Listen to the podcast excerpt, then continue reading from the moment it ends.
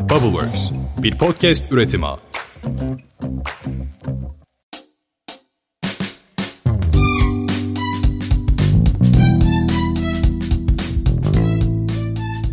Selamlar, Podcast Boşler'in Start Me özel bölümüne hoş geldin. Ben Seha. Ben de Atakan.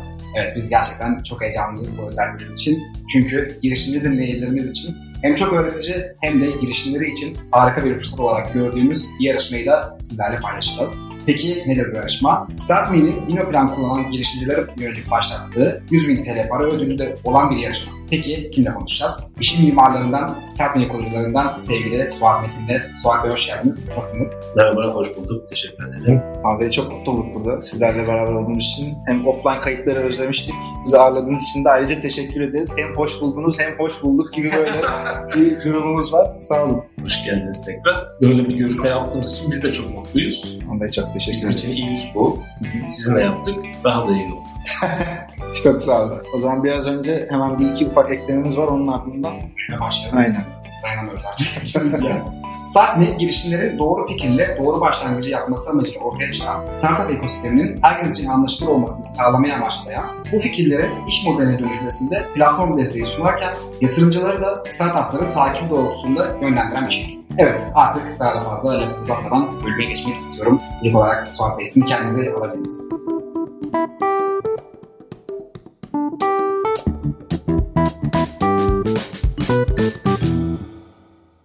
Benim hikayem uzun bir hikaye.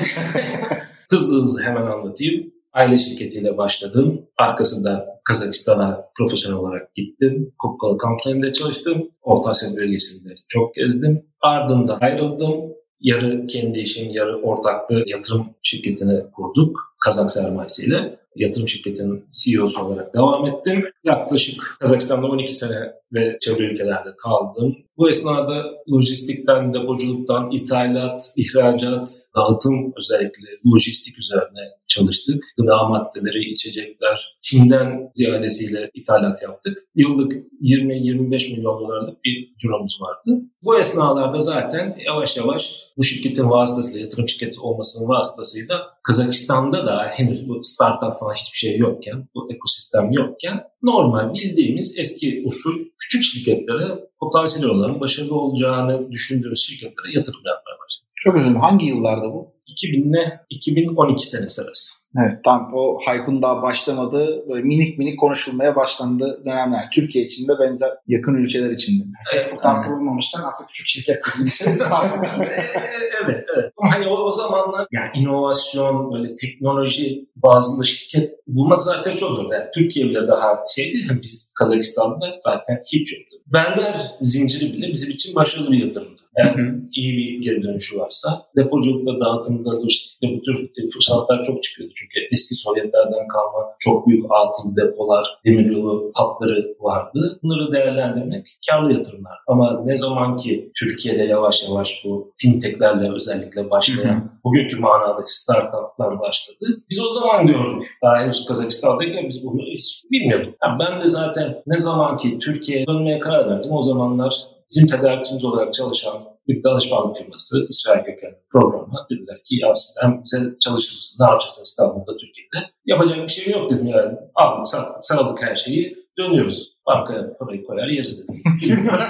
Danışman olarak başladım çalışmaya. Güzeldi çünkü farklı farklı firmalarda farklı farklı şeyleri görüyorsunuz, öğreniyorsunuz. İyi bir danışmanın en büyük özelliği iyi öğrenebiliyor olması. Ben de varmış o. Çok öğrendim. Akabinde de öğrendiklerimi öğrettim. Danışmanlar öyle girince bu sefer iyi bir yerdi. Yani Avrupa Kalkınma İmar Bankası'ndan bir teklif geldi. Dediler bizim için kıdemli endüstriyel danışman olur musun? Olurum dedim. Nedir proje? Efendim bütün bu eski Sovyet ülkelerinde hobileri, hobiler derken de yalnız bizdeki gibi hani o kadar hobi kavramı biraz daha büyük.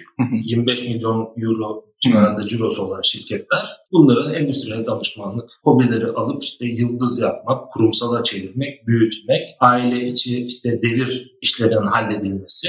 Onunla da işte hobilere girerek de ondan sonra startuplara, küçük girişimlere asıl benim kendi paramla yatırım yapma vaktim gelmiştir. Öyle başladı.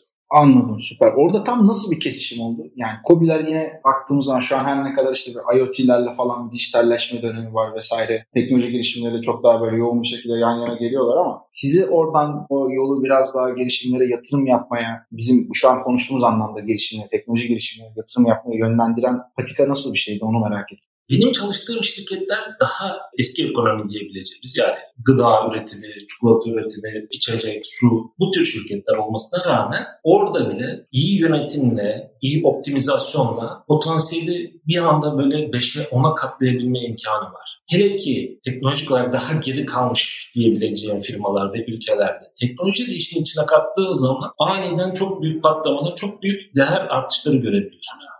Ya bu şirketler bunu yapabiliyorsa, teknoloji böyle kullanılabiliyorsa bazı teknoloji olan girişimlerde demek ki büyük bir potansiyel var. Tabii ki bütün dünyada herkes bildiği gibi gidiyorsun 10 tanesine belki yatırım yapıyorsun. 2 tanesi başarılı oluyor ama başarılı olduğu zaman da çok başarılı oluyor. Ondan sonra buraya geldim, yatırımcı oldum, şu oldum, bu oldum. 10 taneden bir tane başarılı olur, 100 taneden 2 tane başarılı olur. Bu algıyı da kırmak istiyorum. Çünkü neden? Yani tabii ki sen böyle parayı dağıtacak şekilde, bilinçsiz bir şekilde her önüne gelene yatırım yapmaya kalkarsan doğru bu yüzdeyi çok düşürsün. Bu işte iki tane yol var. Bir, seçeceğin şirket çok iyi olmalı.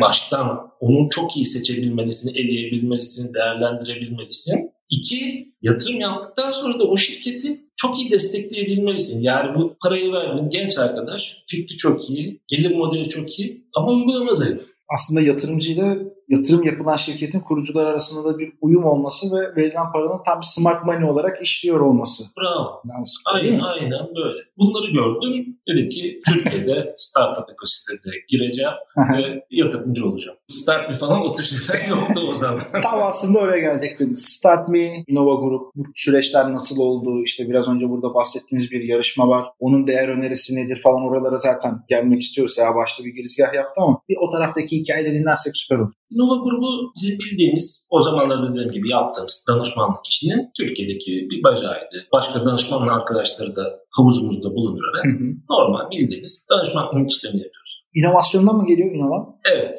Onu da kurarken işte hep dedik ki ya danışmanlığa yeni bir şey katalım. Nasıl yapalım, nasıl yapalım. Tam bu sırada zaten pandeminin tam başına denk gelmiştik. İşte ilk inovasyon kendiliğinden geldi. Online görüşmeler. Daha önce böyle bir şey yoktu danışmanlık yaparken. Hiç böyle müşteriyi ziyaret etmezsen öyle bilgisayardan görüşmek falan filan sana hiç kimse iş vermezdi. Aynen. Pandemi geldi. Herkes böyle çalışmaya başladı. Al sana inovasyon, al sana verim artışı. Bu gördük ki bayağı da verim artıyormuş yani. Kesinlikle. Ondan sonra benim işte startuplara olan ilgimde devam edince dedim ki işi sadece startup danışmanlığına, yatırımcı danışmanlığına çevireceğim. Normal bizim orta ölçekli büyük şirketlerimizi falan bıraktık. Bu süreç analizi ve danışmanlığı işlerimizi bıraktık. Tamamen bu işe döndüm. Akabinde dedi ki biz buna nasıl peki online yapabiliriz? İşi artık bir de daha otomatize edebiliriz, daha nasıl verimini daha da arttırabiliriz. Çünkü neticede ne yaparsanız yapın danışmanlık pahalı bir iş. Tabii, insan yani, bağımlı kalan her şey aslında pahalı kalıyor. Evet, benim günde hiç durmadan konuşsam, birileriyle anlatsam, çalışsam 8 saat var. Yani ondan sonrası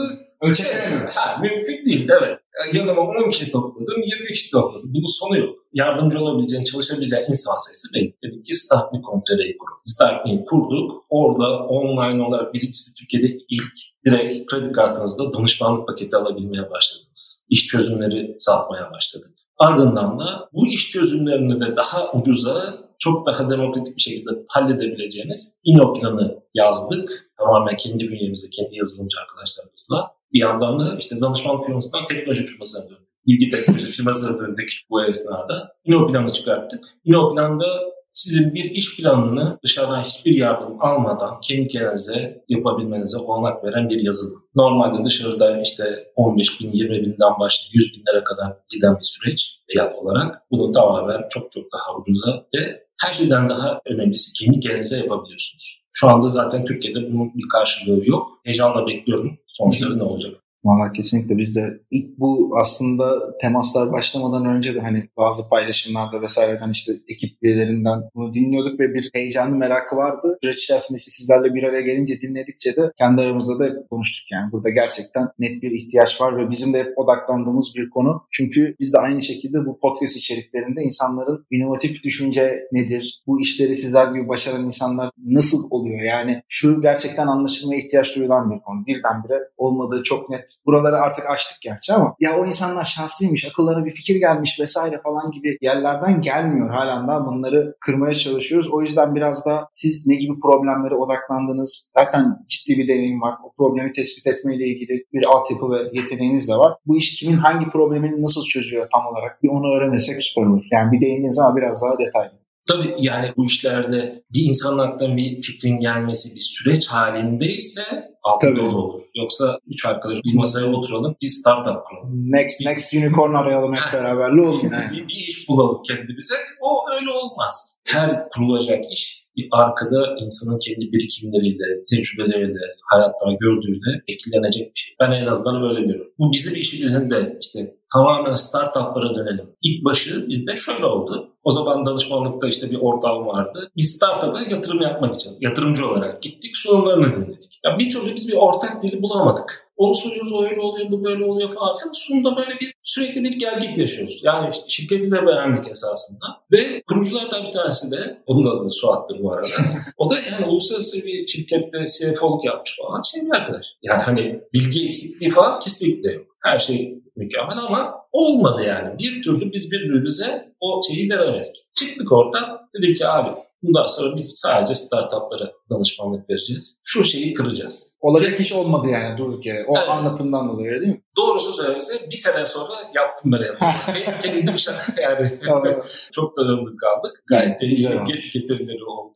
Yani o bizim ilk karar verişimiz odur. Yatırımcıyla girişimci arasındaki bariyeri kaldırmak, ikisinin ortak bir dile getirebilmek bir numaralı çözümümüz bu. Bunu yapabilmek için bir sürü şey kullanıyoruz. Yatırımcıyı eğitmek, burada yatırımcıdan kastım VC'ler falan değil elbette ama belki hani onu da konuşuruz. Türkiye'de inanılmaz büyük bir bireysel yatırımcı potansiyeli var. Hala onu da hiç kullanamıyoruz. Yani şurada melek yatırımcıyı bir tane yapamadık.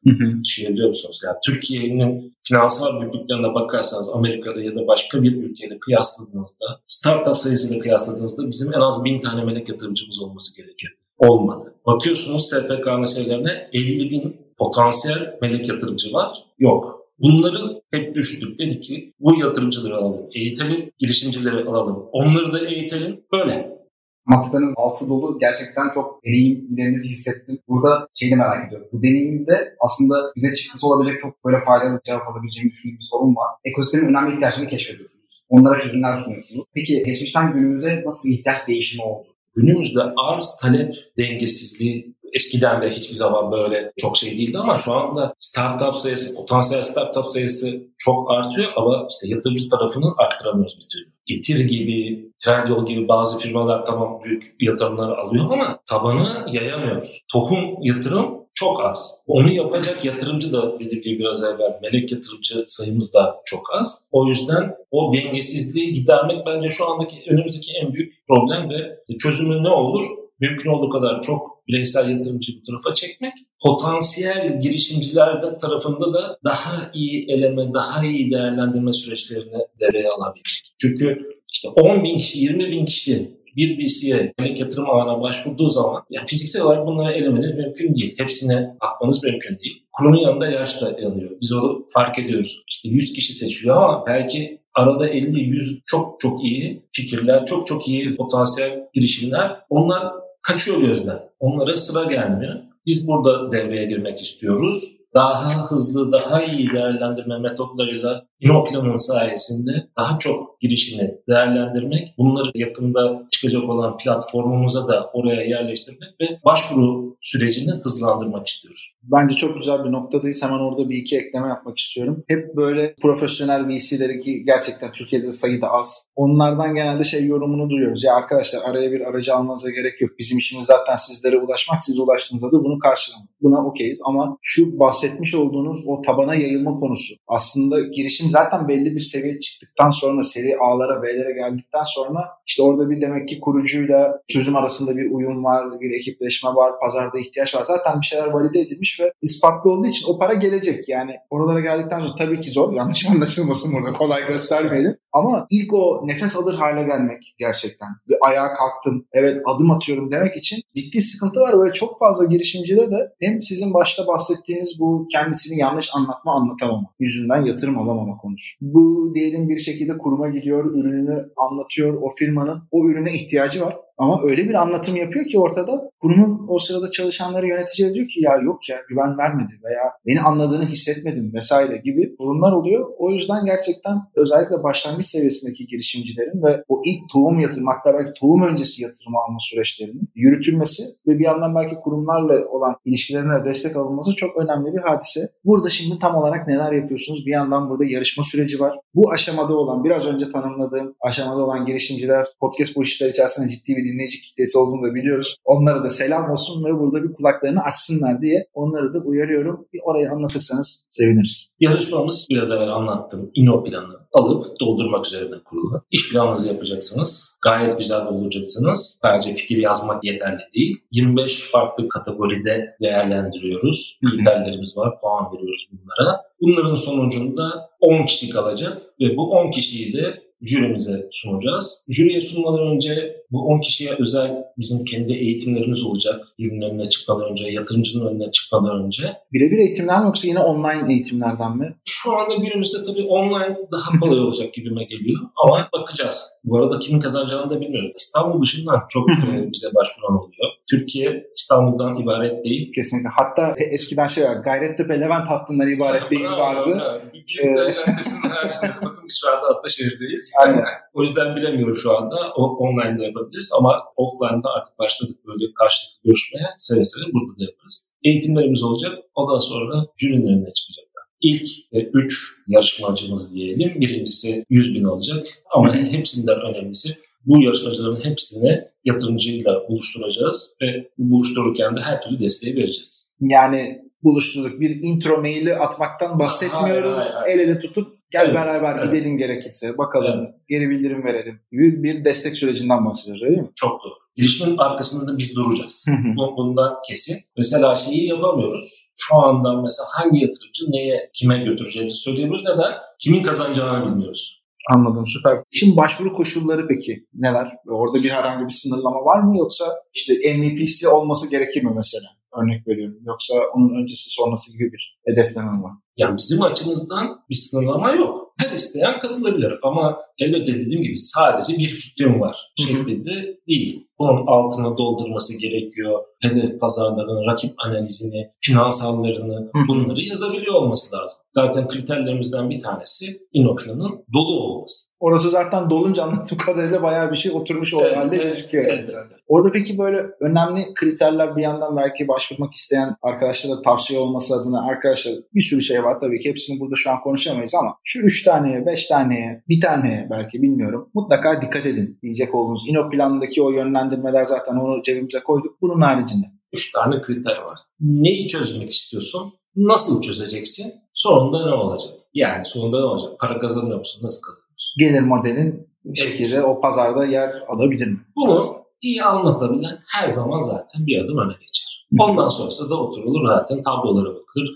o analizlere bakılır. Ama önce bu üçünü güzel söyleyebilmen lazım. Anladım. Süper. Valla burada genelde şöyle bir furyayla da karşılaşıyoruz. İşte pek çok girişimci bir sürü programda karşımıza çıkabiliyor. İşte bir bakıyorsun girişimcilik vakfına bir bakıyorsun işte Hamburg'da vesairede böyle 3-5 tane yerde görüyoruz. Bunlar da ikiye ayrılıyor. Gerçekten iş yapan bir grup var. İyi destekleri toplayabilmek için çalışan kişiler var. Maddi manevi olarak. Ki bence burada bahsettiğiniz şey de tabii ki 100 binlik ödül yani tartışılmaz. Yani şu anda o aşamadaki bir startup için çok çok değerli ama bu işi ciddi yapan taraf için şundan eminim ki orada o yatırımcı ile olan iletişimin doğru bir şekilde kurulabilmesini sağlayacak bir destek mekanizmasının içerisinde olmak ve bunun deneyimlemiş kişilerden almak. Mesela biraz önce bahsettik işte bizim boş işler tarafında çeşitli kişilerle geldik ve ya bunlar boş işler deyip geçtiler. Ama normal dışarıda konuşuyor olsak burada ahkam da kesebiliyor olabilirlerdi. Böyle olmayan kişilerle yan yana gelip bunu yürütebilmek çok değerli. Atakan bu işin yani bizim yaptığımız işin bir kısmı para Ama çoğu duygusal tatmin üzerine kurulu. Ne kadar çok insan başarılı olursa, ne kadar çok genç arkadaşımız başarılı olursa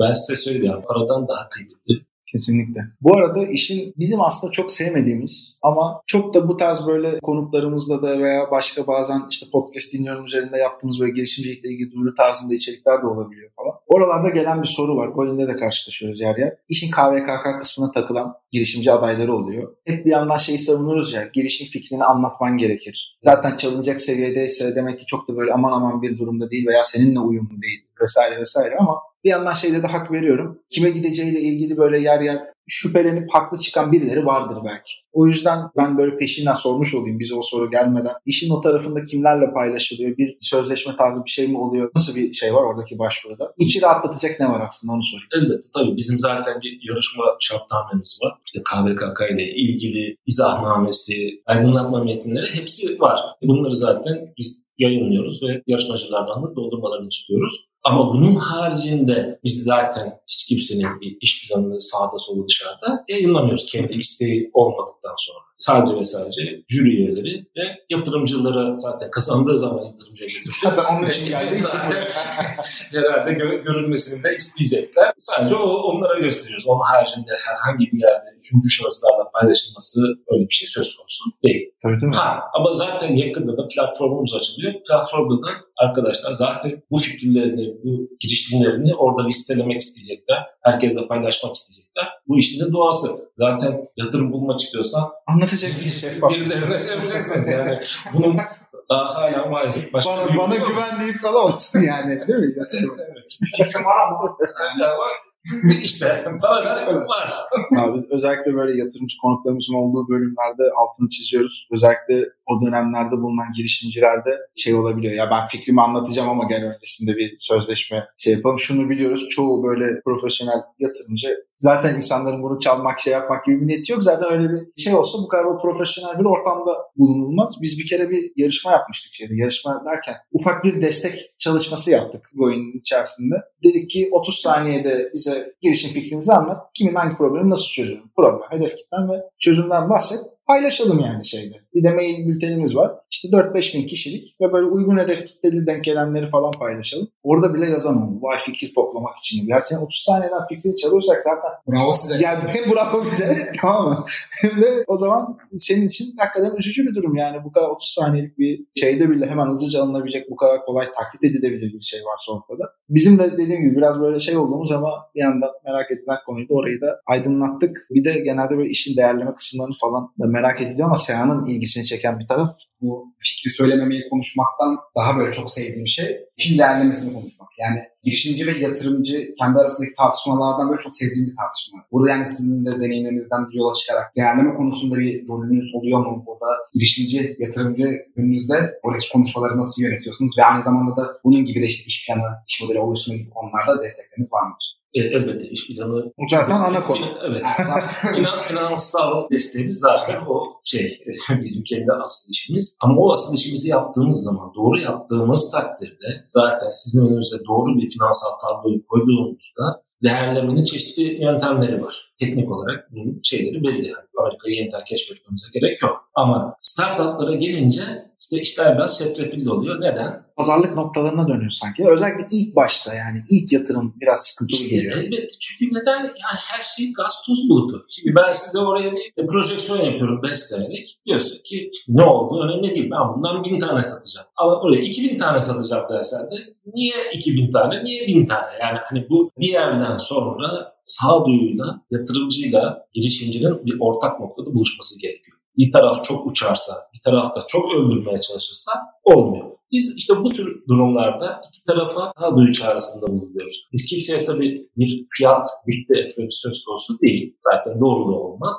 Bu iki alıcıyla satıcının arasında geçen bir şey. Ama bazı benchmarklar vardır sanayiden, sektörden. Yani işte bunların katsayısı 3 aşağı 5 yukarı böyle. Birisi 30 çarpanla satıldıysa aynı işi yapan birisini 100 çarpanla satmaya kalkıyorsan Olmuş. çok mantıklı değil yani. Biz buralarda tabii ki yardımcı oluyoruz. Süper. Çok teşekkürler Cavit için. Şeyi de aslında biraz böyle merak ediyorum. Sizce böyle bir araya gelmesi gereken yatırımcı ve girişimler hangi özelliklere sahip olmaları gerekiyor? İki tarafında uyumlu olması adına. Belki sizin kendi üstünüzden de verebilecek olduğunuz örnek de vardı. Hani biraz önce şeyi de anlattınız ya tüm bu yola çıkışınızda böyle gelmeseydi belki işte bir yıl önce yaptığınız bir yatırım olacaktı. Bizlere, bizim yaklaşımımızda, zihin yapımızdaki insanlara gelirken böyle bir hazırlıkla gelmeniz lazım arkadaşlar dediğiniz noktalarda alırsak değerli olur. Şimdi prensip olarak biz her türlü girişimciyi ve her türlü yatırımcıya kapımız açık. Orada bir sıkıntımız yok. Ha iş bunları birleştirmeye geldiği zaman ben her zaman şuna bakıyorum. Öncelikle startup'ın, girişimcinin ihtiyaçları. O kişinin proje ekibi, idari ekibi varsa bunların eksik kalan noktaları var mı? Bu eksik kalan noktaları yatırımcı tarafından tamamlayabiliriz. Ben hep bunlara bakarım. Yatırım dediğiniz şey de o da bir evlilik gibi. Yani insanların birbirlerini tamamlamaları güzel olanı. Ha bunu her zaman sağlayabiliyor muyuz? Zor. Yüzde yüz bir match yok. Olmuyor. Ama en azından bunu göz önüne aldığınız zaman startupta, girişimcide şu olmuyor. Yani arkadaş ben şu parayı bulayım da, yatırımı bulayım da ondan sonra ne olursa olsun. Türkiye'deki en büyük sıkıntılardan bir tanesi. Amerika'da bakın böyle değil. Bizde girişimciler normal gündelik vakitlerinin yarıdan fazlasını yatırımcı ve yatırım bulmak için para arayarak geçiyor. Evet, işler neredeyse duruyor ya. Evet. O sırada bir ekip yoksa onu emanet edebilecek olduğunu bildiğin bırakıyorlar neredeyse. Ya founder dediğiniz, kurucu dediğiniz adamın zaten kafası işi için çalışması lazım. Para peşinde koştuğu zaman kendi kendine birden de yiyen bitiren bir döngüye girmiş oluyor. Halbuki o kişi, vatandaş kendini işine adasa tamamen yüzde yüz o iş zaten koşacak gidecek. O yüzden biz sadece para değil iş odaklı. İş para kazansa, iş dönse zaten yatırımcı da geliyor. Yatırımcı da zaten ona bakıyor. O yüzden hani bunu bir optimal bir dengede tutmak, bulmak lazım. Bu aslında aynı şey gibi değil mi? Bir ülkeye uluslararası büyük firmalar işte devlet tahvilinden tutun da böyle fiziki fabrika kurma vesaire vesaire bir sürü yatırımı neye göre yapıyor veya yapmıyor? O ülkenin güven verdiği koşullara göre, oradaki ekonomik işleyişe göre, hukuki düzenin çalışıp çalışmamasına göre. Şimdi ülke tüm bu süreçleri bırakıp kalkıp dışarıdan para aramaya başlarsa nasıl bu yatırımları içeriye çekemezse girişimci için de benzer bir şey. Tabii ki belki işte dört kurucu varsa bunlardan bir tanesinin bir şekilde biraz daha fazla olayla ilgili o temasları kurması son derece önemli bir şey ama bir yandan yeni gelen leadleri bir kenara bırakırsam, mevcut müşteri memnuniyetini önemsemeyi bırakırsam zaten o yatırımcının oraya geliş amacını yok etmiş oluyorsun ve anlamlı bir birliktelik olmuyor. Çok haklısın. Doğru. Vallahi çok Teşekkür ederiz. Keyifli bir şey oldu. Yavaş yavaş bölümün sonuna doğru geliyoruz. Ve iki tane klasik sorumuz var. Sizden de şimdi girişimlere tavsiye edeceğiniz hobi olabilir, metodoloji olabilir, podcast önerisi olabilir, film önerisi olabilir, dizi olabilir. Benim bu hayatımda işte çok da severim dediğiniz dinleyicilerimize bir örnek istiyoruz. Yani benim kendim evet bazı hobilerim var. Tarihe meraklıyımdır. Yani bunda böyle çok anlatmadığım bir şey ama tanklarla ilgili mesela özel bir hobim var. O çok severim ve okurum. Her türlü tankı. Yan tanklarım var diyeceksiniz diye. var o da var ya. Var mı? Böyle bir hobim var ama ya benim gençlere kesinlikle önereceğim her zaman bir hobiniz ve çok iyi bildiğiniz bir şey olması lazım. Ben hep, hep onu derim. Bir odaya girdiğiniz zaman odadaki herkesten daha iyi bildiğiniz cebinizde her zaman bir şey olsun. Bunun ne olduğunu hiç önemi yok. İster kelebekler üzerine çok iyi bir şey bilin, ister bulutlar üzerine. Ama bir şeyi çok iyi bilin. Bu sizde her zaman bilginizi katlayarak ilerleme isteği doğru. Hep kafanızın bu şekilde çalışmasına şey yapar. Amerikalıların falan superior olmak böyle bir şeydir. Ve girişimci bu da bir gerçek. Superior olmak zorundadır. Ben onu da hayatımı değiştirdi diyemeyeceğim belki ama bu bir seyrettiğim dizi vardı. Super Pumped. Uber'in hikayesi. Onu seyrettim mesela. Or- orada ha, adam çok iyi bir örnek değil belki şey olarak ama o mentaliteyi, o psikolojiyi anlayabiliyorsunuz. Girişimci psikolojisi farklı bir psikoloji. Bunun da çok iyi yönetilmesi lazım. Ben onu gördüm, onu anlıyorum. Kesinlikle. Vasatta kalma şansı yok değil mi? Böyle orta halli gidiyoruz diye bir girişimci Olmaz. duymadık. Mümkün. Yani burada egosundan tutun, iş zekasına, vizyonuna, her şeyine bakın. Zaten biraz evvel konuştuğumuz o benim fikrim var, fikrimi çalarlar falan. Ya bu fikri çalmak o kadar kolay bir şey değil arkadaşlar. Kesinlikle. Yani bu fikrin etrafında büyük bir örüntü olacak. Her şey bir araya gelecek. 6-7 tane yıldız bir araya gelecek. Aynı hizaya gelecek. O, o, o zaman oluyor. Aynen Zaten fikri yarışmalarına siz bakın mesela 10 bin 20 bin kişinin katıldığı fikri yarışmaları var. Toplamda 30 tane ana fikir etrafında dönüyor. Bakacak olursanız 30 tane. Ha, bunun haricinde 20 tane de böyle çok uç fikirler var. Ama bir iş olarak alıp yapabileceğiz 30 tane fikir var. Bütün her şeyde bunun etrafında. Ondan sonra sizin gelir modeliniz iyi mi, finansal modeliniz iyi mi, uygulamanız iyi mi? Bütün bunlar hepsi bir araya gelecek. Bunun içinde bir girişimcinin sadece bir fikirle değil, kendini geliştirebilmesi lazım her açıdan. Vizyonunu, iş anlayışını, genel kültürünü, sanata bakışını, her şeyini geliştirmesi lazım. Aynen. Normal sıradan metodoloji kitap şey önermesindense genelde hayatla ilgili aslında düstur almış olduk. Bunun için ayrıca teşekkür ederiz. En sonunda kapatırken diyoruz ki biz bu yolculuğa girişimcilik boş iştir deyip nasıl yaparak çıkmıştık. Dört yıldan beri bugünlere kadar sizin gibi değerli insanlarla bu sohbetleri yapacak noktalara kadar geldik. Çok mutluyuz onun için. Bir yandan da sizin için girişimcilik nedir? Bunu bir cümleyle, bir kelimeyle ifade edecek olsanız. Burada kan ter gözyaşıdır. Hayatın en stresli anıdır vesaire bir sürü şeyi duyduk. Sizden de gelecek merak ediyorum. Girişimcilik hem girişimci hem de yatırımcı için dünyadaki en iyi yatırım aracıdır. Yani girişimcilik kendisi bir yatırım aracıdır. Girişimcinin kendisi için beşeri olarak kendini geliştirme, yatırımcı için de parasına çok iyi bir geri dönüş alabilme imkanıdır. Daha iyi bir yatırım aracı ben bilmiyorum. Kesinlikle. Vallahi ağzına sağlık. Güzel. Şu an kadar en aldığımız farklı cevaplardan bir tanesi oldu bu arada. Onu söyleyeyim. Birkaç tane çok komik olan vardı. Bu da en farklılar arasında yerini aldı yani. O yüzden ağzınıza sağlık. Biz sohbetten çok keyif aldık. Son olarak burada bölümü kapatırken e, tüm dinleyicilerimize ve bu tarz yarışmalarla ilgili arayışı olan işte bu girişimcilik yolculuğunda ben kendimi nasıl geliştireceğim diye farklı farklı işte yerlerin kapısını çalan tüm dinleyicilerimize de buradan sesleniyoruz. Buradaki bu yarışmanın linkini de biz bölüm açıklamasına bırakıyor olacağız. Lütfen oradan başvurun. Bu süreçle ilgili olabildiğince detaylı bir şekilde ele almaya gayret ettik ama farklı sorularınız varsa da eminiz ki Startme ekibi de sizin bu sorularınızı cevaplayacaktır. Bizim üstümüzden de ulaşabilirsiniz. Ulaşın, başvurun. Böyle bir fırsatı kaçırmayın. Bu tarz süreçlerde beraber yürüyecek doğru yol arkadaşlarını, dostları seçmenin önemli olduğunu da bir kez daha altını çizmiş olalım bölümü kapatırken. Size de tekrardan çok teşekkür ediyoruz abi. Ağzınıza sağlık. Ben teşekkür ederim. Biz de çok memnun olduk. O zaman Seha kapanışa geçebiliriz. Evet. Aynı zamanda bu yapıyı kuran Emeği geçen herkese. Ekibine de çok, çok teşekkür ediyorum. Çok sağ olun her şey için. Podcast Boşlar'ın Startme özel bölümünü dinlediniz. Bizi dinlediğiniz için çok teşekkür ederiz. Önümüzdeki bölümlerde görüşmek üzere. Ben de başvururum. Görüşmek üzere. Güle güle.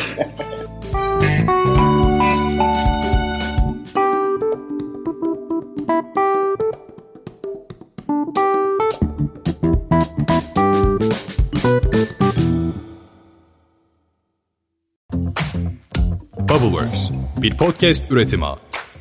Thank you.